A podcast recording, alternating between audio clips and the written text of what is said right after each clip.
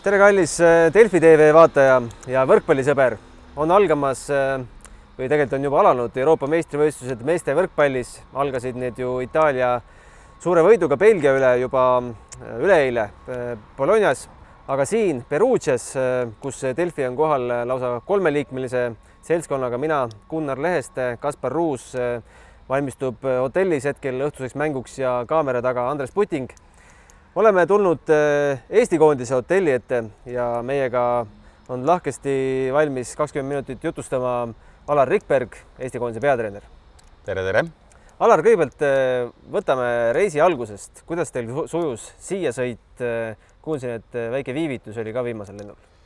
ikka juhtub asju ja oluline on eriti tänu kogemustele sellistest asjadest üle olla, et nälg tuleb peale ei ole mõnus passida tund aega lennukis, äh, kui mõni purnus, purjus reisija suudab oksendada ja ohtlikke olukordi tekitada ja seetõttu vajab äh, turvatöötajaid äh, sealt väljavedamist ja kogu ülejäänud lennuk peab ootama. et viperused on tavalised ja väga harva juhtub kuhugi sõites nii, et sa jõuad kohale ilma kadudeta, nii ajaliste kadudeta kui asjade kadumiseta. meie jäime ilma oma massaažilauast mis minu teada ei ole veel tänaseni Perugiasse jõudnud. aga olime õnnelikult kohal, pidime natuke ümber tegema oma esialgseid trenniplaane. et eh, õhtune treening pidi algama kuus, aga hotelli jõudsime me veel hiljem ja nende poolt alternatiivina pakutud õhtul kella üheksane, mis oleks siis Eesti järgi isegi kella kümnene trenn olnud, ei tulnud mõttesse. selle asemel tegime ühise jalutuskäigu, eh, natukene liigesed liikuma saada ja keskendusime siis treeningutele alates eilsest no meil on värske kogemus Eesti Võrkpalliliidul korraldamisest äh, hinge all, e, kõigepealt muidugi kaks tuhat kakskümmend üks, kui toimus meeste EM ja nüüd värskelt naiste EM, kus punkti pealt kõik oli korraldatud, saal oli nädal aega varem valmis. kuidas on seis Perugias ja selle itaallaste asjaajamisega? meil ei ole midagi hullu, ehk siis hotell on selja taga, magada saab rahus, voodid on piisavalt mugavad, toit on maitsev Äh, videokoosolekute pidamiseks kvaliteetne ruum on olemas ja see, et sul pole siin merevaadet või vanalinna, see ju ei ole tippsportlasele midagi määravat. sinu jaoks on olulised puhkus, uni, äh, toitumine, äh, ettevalmistuseks vajalikud ruumid, et see, mis on vaja tippspordi harrastamiseks ja siin toimetamiseks on meil olemas. Samamoodi saalis, et kui võib-olla mõni nurgatagune on veidi väsinud või ei ole veel ideaalselt korras, siis plats on olemas, pallid on olemas, võrk on üleval. Ehk see, mida meie vajame enda töö tegemiseks, äh, see on olemas. Ja võib-olla need väikesed detailid, milles tõesti Eesti korraldajad on maailmatasemel. Ja võib-olla mõned isegi suurriigid lasevad natukene üle nurga asju, siis see tegelikult meid, võistkonda ei häiri. eile oli väike vahejuhtum ka sellega, et sina kuulutasid küll äh, treeningu avatuks, aga karabineerid arvasid teisiti. jah vahepeal on nii, et ei lubata ajakirjanike saali, ei lubata võib-olla hotelli juurde, aga üldiselt on asi läinud palju vabamaks, kui me vaatame üldse seda EM-finaalturniiride korraldust.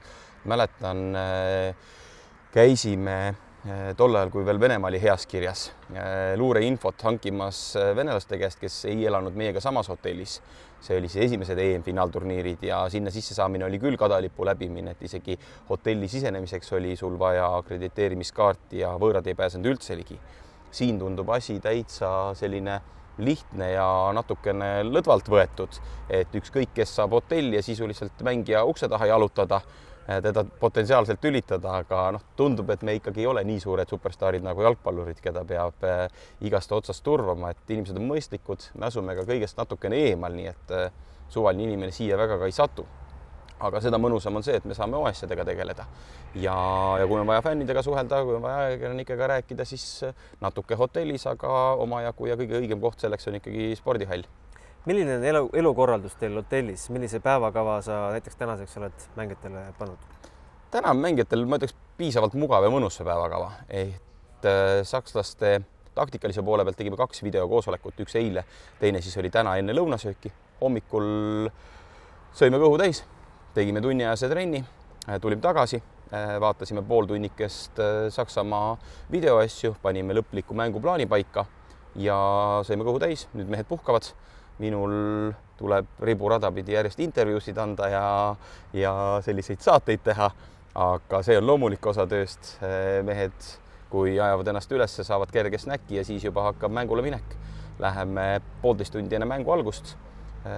kui nüüd nendest karabineeridest rääkida, siis esimene sõit mängusaali võttis aega viisteist minutit, ülejäänud on kaheksa minutit. esimene kord meil politsei eskortit ei olnud samas tundus, et ei olnud ka kõige osavamat bussijuhti. Ehk esimesed neli minutit läksid lihtsalt parklast välja manööverdamiseks ja kõvasti rabelemist ja võitlust oli tal, et siin Itaalia kitsaste tänavate vahel oma bussiga ära mahtuda, aga õnnelikult kohale me jõudsime. mängusaalis on ettevalmistus füsioterapeutidel kreemitamised, teipimised ja siin on see protokoll üsna selgelt paika pandud, viisteist minutit enne mängu toimub mündivise, siis loosimine, siis lastakse meid võistlusväljakule sooja tegema, paneme käed kokku. meil on kujunenud sel aastal välja, et meil ei ole sellist väga äh, selgelt ette antud soojendust, et äh, kes mida teeb, vaid äh, mängijad ise teavad, mida nad kõige rohkem soojenduse osas vajavad, mis tähendab, et võimlemise, venitamise, soojendusharjutuste plaan on kõigil individuaalne siis võtame pallid, lähme võrgule ja siis juba jääme avavilet ootama. mäng hakkab kell kuus, mis kell teie lahkute siit? meie lahkume kell pool viis, mis tähendab seda, et hinnanguliselt tund kakskümmend enne mängu algust jõuame spordihalli. on seal võib-olla mõned protseduurid, võetakse osad mängijad ka ametlikeks intervjuudeks, aga jääb meil selline mõnus aeg seal olla, aga, aga see on ka nüüd väike kogemus, et spordisaali kohale minna ei ole mõistlik liiga vara ei ole mõtet minna viimasel hetkel, et läheks rapsimiseks, aga hommikul ju nägime ära, et me saime tänaseks päris korraliku riietusruumi. eeldame, et homme võetakse see meil käest ära ja itaallased võtavad selle endale, sest see on Perugia meeskonna enda riietusruum. olen pilti näinud, eh, mingi kleeps Block Monster või mingi selline. jah, et äh, igal juhul seal on ruumi, aga seal ei ole õhku, seal on kuum äh,, seal on niiske ja seal ei ole õhku, nii et äh, me oleme ka varem teinud äh, erinevate välistreenerite nõudmisel selliseid asju, et me oleme poolteist tundi enne mängu algust pidanud, pidanud olema riietusruumis. ja võib-olla kui, ma ei tea, prantslased räpivad või laulavad seal ja teevad show'd omavahel, siis meie mehed ikka pigem vaikselt istuvad ja ajavad tõsist Eesti asja, siis äh, ma ei taha, et äh, mängijad küpsetaksid ennast läbi sellega, et nad passivad pool tundi niisama riietusruumis. mida mängijad praegu teevad, magavad? Osad magavad, osad pikutavad, võib-olla mõni surfab internetis. magamisega on nii, et seda ei saa, sellega ei saa ka üle pingutada, ehk siis sellepärast on ka snäki aeg pandud kolm tundi enne mängu algust, et pärast seda enam keegi kindlasti ei magaks et isegi kui rahulikult äh, voodis pikali ollakse, et praegu on see aeg, kui on tõesti täitsa okei okay,, aga magamise rütm on igal inimesel täpselt selline, et äh, ta teab, kas seda on vaja nelikümmend minutit, kas on vaja tunnike, et olla õhtul piisavalt värske ja mitte, mitte selle lõunauinakuga üle pingutada. kaks saalitrenni olete teinud äh, olete saanud saaliga sõbraks, milline see saal on võrreldes, ma ei tea, meie Kalevi spordihalli, meie Unibetiga? võrkpallis on see hea asi, et kui me jõuame sellisele tasemele, nagu me täna oleme siis punkt üks, saalid on suured ja kõrged, mis tähendab, et mulle see meeldib, kuna ma saan nõuda mm, sellist stiili võrkpalli, nagu mulle meeldib teha, mida Eesti näiteks paljud saalid ei võimalda mm. -hmm. teine asi on see, et äh, tarafleks on maas ehk nad näevad võrkpalluri seisukohalt täpselt samasugused välja. üks halb asi, mida peame natukene võib-olla sidemängijate käest küsima, et valgustus on külgede peal ja tõstmise ajal see võib natukene häirida, aga me oleme saanud sellega, ma usun, piisavalt harjuda, et äh, suurt probleemi ei ole ja see, kui saal võib-olla väljast on natukene selline noh, ütleme viisakalt siis väsinud või ka seest mõned nurgad ei ole enam kõige värskemad, siis platsi peal sa seda ju ei näe ega absoluutselt ei tunneta. sinu jaoks on plats, sinu jaoks on riietusruum, see väike käik, eh, mida mööda sa saali sisened ja pärast ära lähed, aga ülejäänud tegevus ju kõik toimub väljakul ja seal ei ole suurt vahet, kas see hall on ehitatud sul aasta või nelikümmend aastat tagasi teeme väikse vahelepõike. kui me eile õhtul kohale jõudsime, siis eh, lahkelt oli valmis meile intervjuud andma ka Robert Täht, meie üks eh, võtmemängijatest. vaatame, mida Robert meile rääkis ja siis eh, räägime Alariga edasi. koondisel siin Perugias värskelt lõppes õhtusöök. inimesele, kes, kelle viimane söök oli Müncheni lennujaamas kaheksa tundi tagasi, ei saa jätta küsimata, mis süüa oli? süüa oli nagu ikka Itaalia kohaselt, esiteks kõik, mis nad siin pakkusid, väga maitsev et siin on ohtlik, et mõnedel mehel need lisakilod tulevad, aga jah, nagu ikka, pasta, risotto, väga maitsev kala ja natuke liha ka, jah. tutvusite täna halliga ka, mis on sinule väga tuttav paik aastast kaks tuhat üheksateist, kaks tuhat kakskümmend. tulid mingid mälestused, mingid nostalgiahetked ka kallale? ikka, see on nagu hoopis teistsugune kuidagi kogemus, et, et nii ei ole olnud, et oled kuskil mänginud mingites saalides ja siis sinna tagasi läinud mängima, see on üks asi, aga kui see see konkreetne saal oli kodusaal mul ja nüüd siin tagasi olla on tõesti niisugune eriline tunne natuke ja selles linnas samamoodi. Kuigi need viimased mälestused, mis ma siin linnas veetsin, need kõige meeldivamad ei olnud, kuna olin Covid tõttu luku taga, et see oli täpselt see aasta, kaks tuhat kakskümmend. iseloomusta seda, seda linna, kus me oleme, Perugia, mis siin teha on, mille poolest on see linn eriline, kuidas, kuidas sina siin aega veetsid? no mina elasin selles rajoonis siin, kus me praegu oleme umbes, et äh, siin suurt midagi teha ei olegi aga sealt saali juurest äh, on, saab minna minimetrooga vanalinna. Vanalinn on tõesti ilus, äh, panoraamvaatega linnale, et see on seal niisuguse mäe otsas ja, ja sinna soovitaks kindlasti kõigil minna, et äh, aga noh, see Perugia linnana on niisugune paar päeva tegevust, et aga siin ümberringi on ka väga ilusat loodust. on sul veel tuttavaid ka siin alles kolmeaastase tagusest ajast?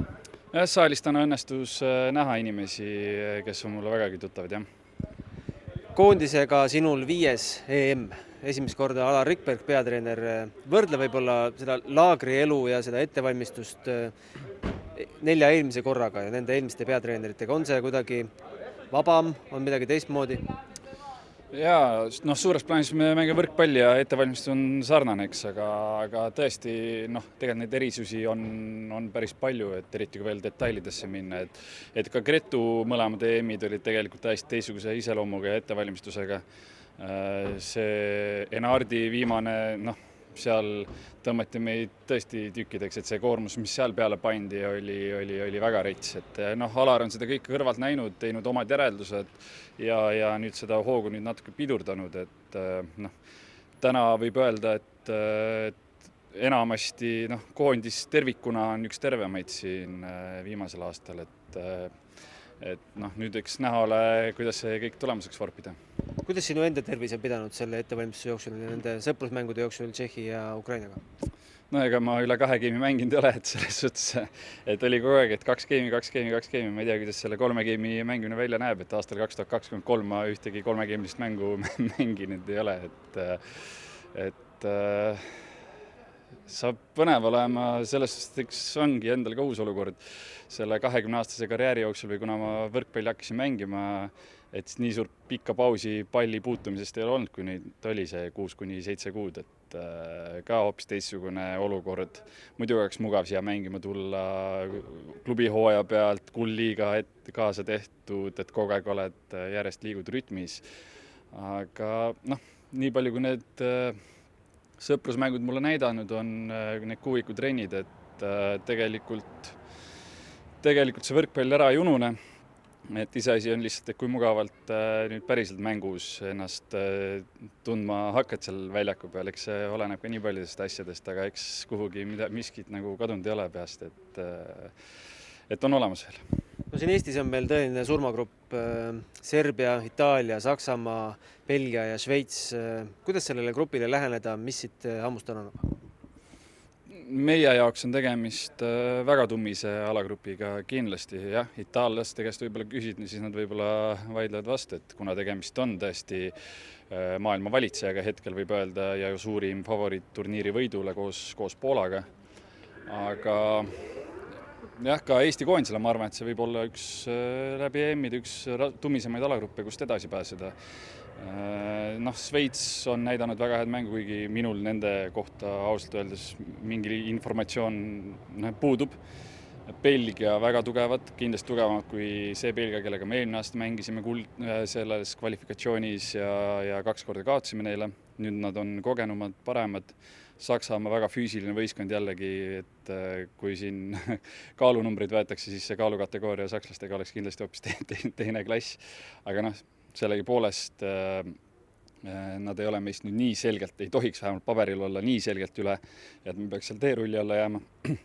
noh, ja Itaalia, serbilastega oleme kaks korda viimased mängud äh, väga tasaväikest mäng, mängu näidanud, seda teavad ka nemad, ehk siis nad on ka kindlasti meie jaoks paremini valmis. Ja itaallased ilmselt võtavad seda tõesti soojendusturniirina siin. kas edasipääs on selline asi, mida omavahel räägite siin riietusruumis või hotellitoas?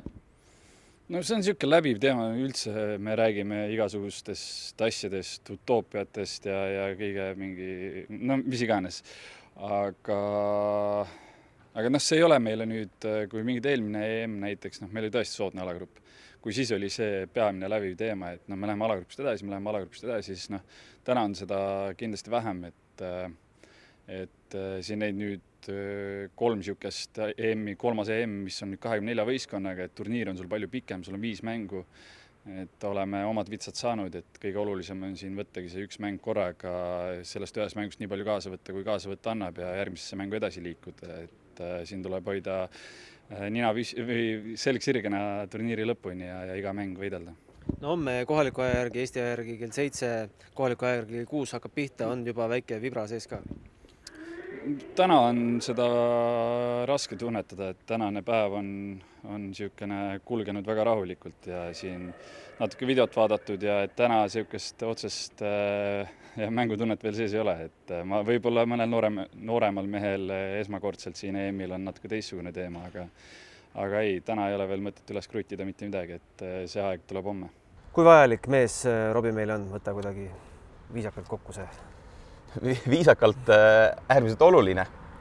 ja teiselt poolt meil on tekkinud lõpuks meeskonnas ja minul peatreenerina see luksus, et ei ole enam ühte selget põhikuuikut, kes kogu turniiri peab mängima.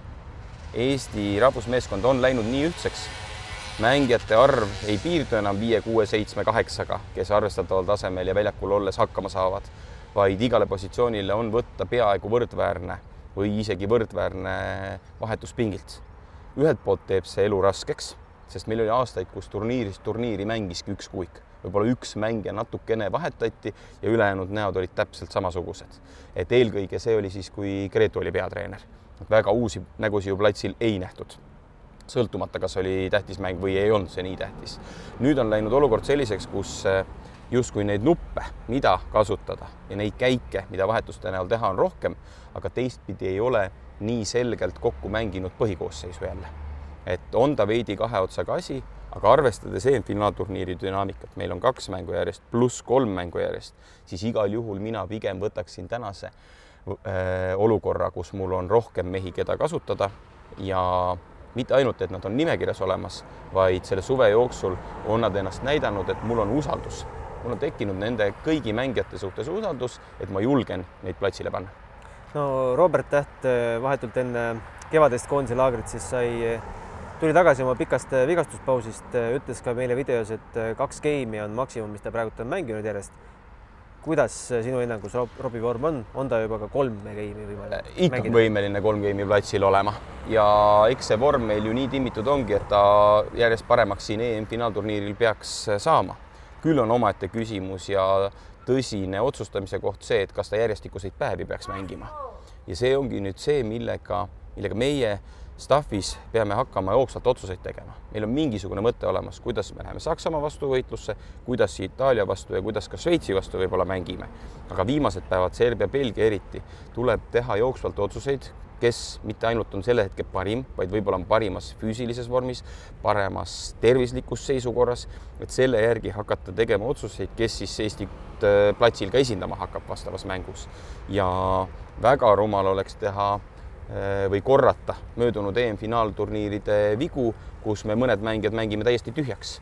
et sellel hetkel, kui tuleb kõige otsustavam mäng, ei tule ja ei tule sellepärast, et ta on eelmiste päevadega nii mängude kui treeningutega tühjaks pigistatud. et neid võimalusi siin kombineerida on ja Robert samamoodi saab oma võimalused. võin ka kohe ära öelda, et ta alustab tänast mängu algkoosseisus. kas ta püsib platsil mängu lõpuni või mitte. eelkõige Saksamaa vastu on selge plaan selline, et need, kes mängivad ja kellel mäng hästi läheb, need on platsil. kui kellelgi mäng hästi ei lähe siis tuleb vahetusi teha. see ei ole sisseelamise mäng, kus anname võimaluse kõigile või et iga mees saaks mingit pallivahetused platsil olla. see on ikkagi ka tulemuse peale mäng.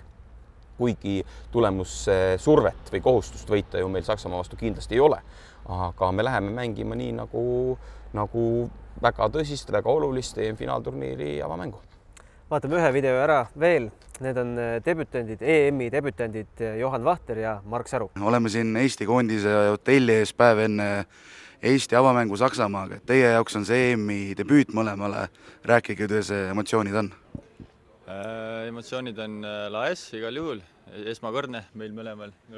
et äh, noh, me oleme siin ju oma kahurväega, et kõik on kohal, kõik on terved mis on tähtis ja eks, eks homme näitame siis, milleks me valmis oleme. Ei, väga kõva see lõppu, lõppu ju või noh, nüüd alles algab, aga aga jah, mul on väga kõva elamus siin.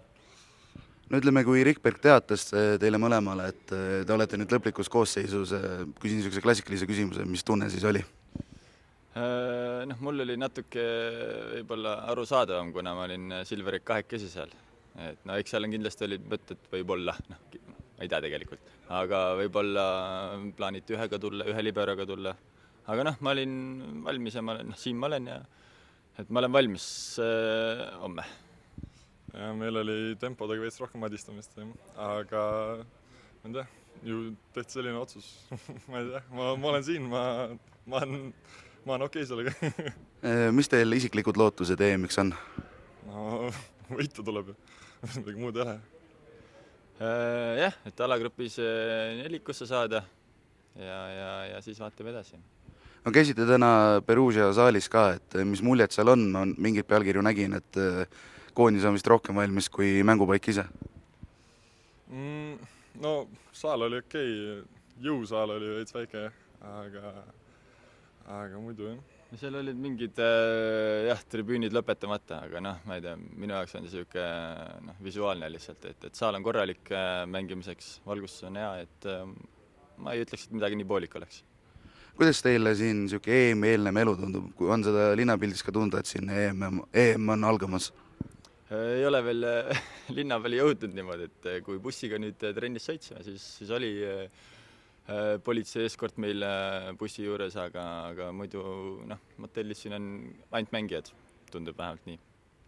jah, ka nüüd mängijad on väga, väga inimesi ei ole näinud siin, jah. Äh, no Eesti on noh, võib vist öelda, et üsna surmagrupis, et homme avamäng Saksamaaga, et mida homme, homsest mängust oodata? kõva lahingut igal juhul, et eks me lähme oma parimate meestega peale ja, ja näitame Saksamaale, milleks me valmis oleme ja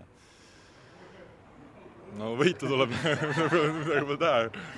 Juhan Vahter ja Mark Saru EM-il esimest korda. mis roll saab nendel olema selles, selles rotatsioonis?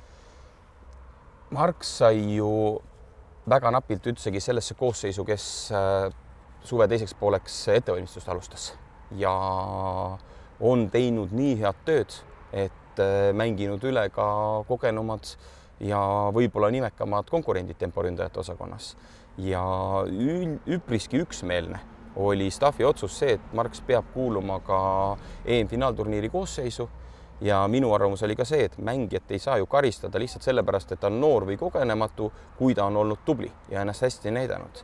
ja võib-olla vaata, et kõige olulisemad kaks hetke, mis ka minul on tekitanud tema suhtes usalduse, on Euroopa kuldliiga mäng Soome vastu, kus ta tegi väga tubli partii ja oli sisuliselt ju terve mänguplatsil ja nüüd kolmas omavaheline, küll veidi teistsuguste reeglitega ja kinniste uste taga peetud kohtumine Ukraina vastu, mille me küll mänguliselt üks-kolm kaotasime, aga Henri Treialil ei olnud kõige parem päev, tuli tema asemele Marx ja ei jäänud mitte kuskil hätta. tegi väga südika partii ja selliste tegevustega pluss tema olekuga, positiivsusega, tema mm, hea tegutsemisega treeningutel ta teeniski selle koha EM-finaalturniiri koosseisus ja ma usun, et me näeme ühes või teises episoodis või game'is või isegi terves mängus teda ka siin EM-finaalturniiril platsil. tunned sa, et sa natuke uutemate meeste puhul mingit sabinat ka sees olevat? veidi on, et äh, näha on kasvõi selline omavaheline suhtlus või mingi reaktsioon ja hea on äh, tänases päevas see seis, et neid uusi mehi on vähe. et äh, meil on ikkagi väga suur hulk Äh, kogenud mehi, kelle jaoks ei ole esimene, teine ega ka kolmas EM-finaalturniir. Ja üldist sabinat ma ei tunne väga, et isegi kui siin vahepeal tuleb äh, veidi nurinat või rahulolematust, siis äh, mõned sõnad ja üsna kiirelt see ununeb ära, kõik tuleme tagasi oma rutiini kõik on palju hullemat läbi elanud, on need reisid, on need majutused, on need äh, võib-olla mingid rasked hetked, kui on koormus liiga suur olnud või taastumiseks väike aeg. kõik on ju aastate jooksul läbi elanud palju-palju äh, hullemaid situatsioone ja palju keerulisemaid situatsioone äh, mõeldes kasvõi vigastuste või meeskonna mängijate kombineerimise, positsioonide vahetamise peale. et praegu minu lähenemine on ka see, et meil on sõbralik, meil on rahulik, meil on töökas see keskkond. kui nüüd võtta teine debütant Juhan Vahter siis äh, Silver Maar on hästi mänginud ja seal ei ole ka eeldatavasti väga palju kahtlejaid, kes äh, ütlevad, et äh, tema ju selle EM-finaalturniiri ikkagi platsil suures osas veedab. ja mida me oleme katsetanud ja mida võib juhtuda nüüd ka EM-finaalturniiri ajal, et me hakkame mängima teatud mänge kahe liberoga, mis tähendab, et Johan Vahter mängib kaitset ja Silver Maar osaleb vastuvõtul ja noh, ei saa öelda, et asi oleks väga hea. Silver Maari puusasid ja seda piirkonda vaevavad vigastused on märgatavalt paremini kontrolli alla saadud, aga see on ikkagi selline pikaajaline aastatega kuhjunud häda, millega klubis ei ole tegeletud, millega me suvi otsa oleme tegelenud ja järjestikusel päevadel võib tekkida olukord, kus mul lihtsalt vaja Silverile natuke puhkust anda, et ta oleks mingis olulisemas hetkes värskem, kiirem, liikuvam. Silver alustab täna? jah, Silver alustab täna rääkides enne, kui me räägime Saksamaast, siis ma kuulsin, et sa olid intervjuu andnud Saksamaa televisioonile. mida sakslased küsisid? Üllatav on see, et ega sakslaste küsimus äh, ei erine väga Eesti ajakirjanike küsimusest. küsisid palju, kakskümmend kolm pluss minutit läks see intervjuu Saksa televisiooniga ja näha on, et väga mõnusalt professionaalsed ja väga tänulikud olid, et peatreener on nõus mängupäeval sellise aja neile pühendama. Nad olid teadlikud väga mitmetest meie mängijatest, eriti nendest, kes on Saksamaal mänginud ja kuna see isi, inimene ise oli Friedrichshafenist pärit, siis eriti Oliver Venno, Andrei Jaganitsa nimed kõlasid seal läbi. et Eh, on päris hea ülevaade meist, samas ta ei olnud mänge näinud. Eh, veidi üllatav oli see, et ta kohe hakkas uurima ja suruma enda sidemängijaid. tundub, et see on sakslaste endi selline oluline koht, et kas noor Tille või siis vana ja kogenud Kampa, et kumba ma tahaks ja kumba ma eeldan ja nii edasi. et eh, aga mis sealt läbi kostis ja mis on ka nähtavasti läbilõige Saksamaa meediast, et nad ei ole enda meeskonnas väga kindlad. Nad kardavad, et tuleb raske turniir Nad ise on kahtlevad äh, valikutes, kuna diagonaalründaja Liinus Veber jääb kõrvale ja teise diagonaalini üles antud Röörs on pooleldi nurgaründaja. siis nad tulid turniiril sellise koosseisuga, et neljakümnele lähenev Grööser on ainuke puhas diagonaalründaja, siis on kuus nurgaründajat, neil on ainult üks puhas libero ehk siis väga huvitavad ja sellesama intervjuu käigus öeldigi, et, et ei tea, aga ju siis olid head põhjused selliste valikute tegemiseks. et eh, on mingisuguseid hädasid ja sellist ebakindlust nähtavasti Saksamaal ja ei tulda võib-olla sellise väga eh, hea kindla tundega siia peale, aga on varemgi nii juhtunud, et kui vaadata näiteks Serbiat, kes eh, sõprusmängudes ei olnud väga veenev, siis tihtipeale just need meeskonnad on need üllatajad, et võib-olla enne suurturniire justkui mängivad natukene alla enda oodatud taseme, aga siis suurturniiridel teevad midagi vinget. milline pilt meil Saksamaast eest on, ees on, millised on meie võimalused, nende nõrkused? see on mõlemalt poolt servi vastuvõtumäng, esimene asi, nii oli ta kaks aastat tagasi, kusjuures me ei olnud absoluutselt mitte kehvad servijoone taga, aga veel nendest kehvemad olime vastuvõtul, et väga agressiivse, mitmekülgse, riskeeriva serviga meeskond. Ja sealt tekibki olukord, et kui me jääme samamoodi surve alla nagu kaks aastat tagasi, siis on äärmiselt raske hakkama saada.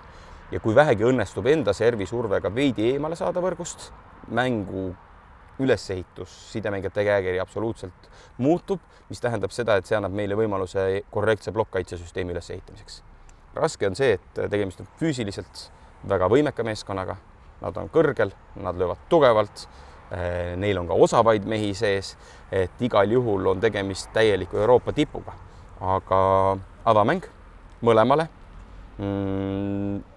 ka Saksamaa on ikkagi päris korraliku kogemusega meeskond, et eh, et ei taha neid vanaks nimetada, aga nimetame nad siis kogenuks väga suures osas, mis tähendab, et ma ka sealt nende poolt nagu väga suurt väristamist ei oota, aga lihtsalt see, et kuidas see mäng minema läheb, et kui keegi jääb kännu taha kuidagi kinni Eh, võib tekkida teisel võimalused. Ja loodame, et see on Saksamaa, kes vähemalt mingitel hetkedel selle kännu taha jäävad ja meil hakkab veidi ladusamalt asi minema. kui me nüüd selle intervjuu lõpetame, mida sina lähed tegema, videot vaatama või magama?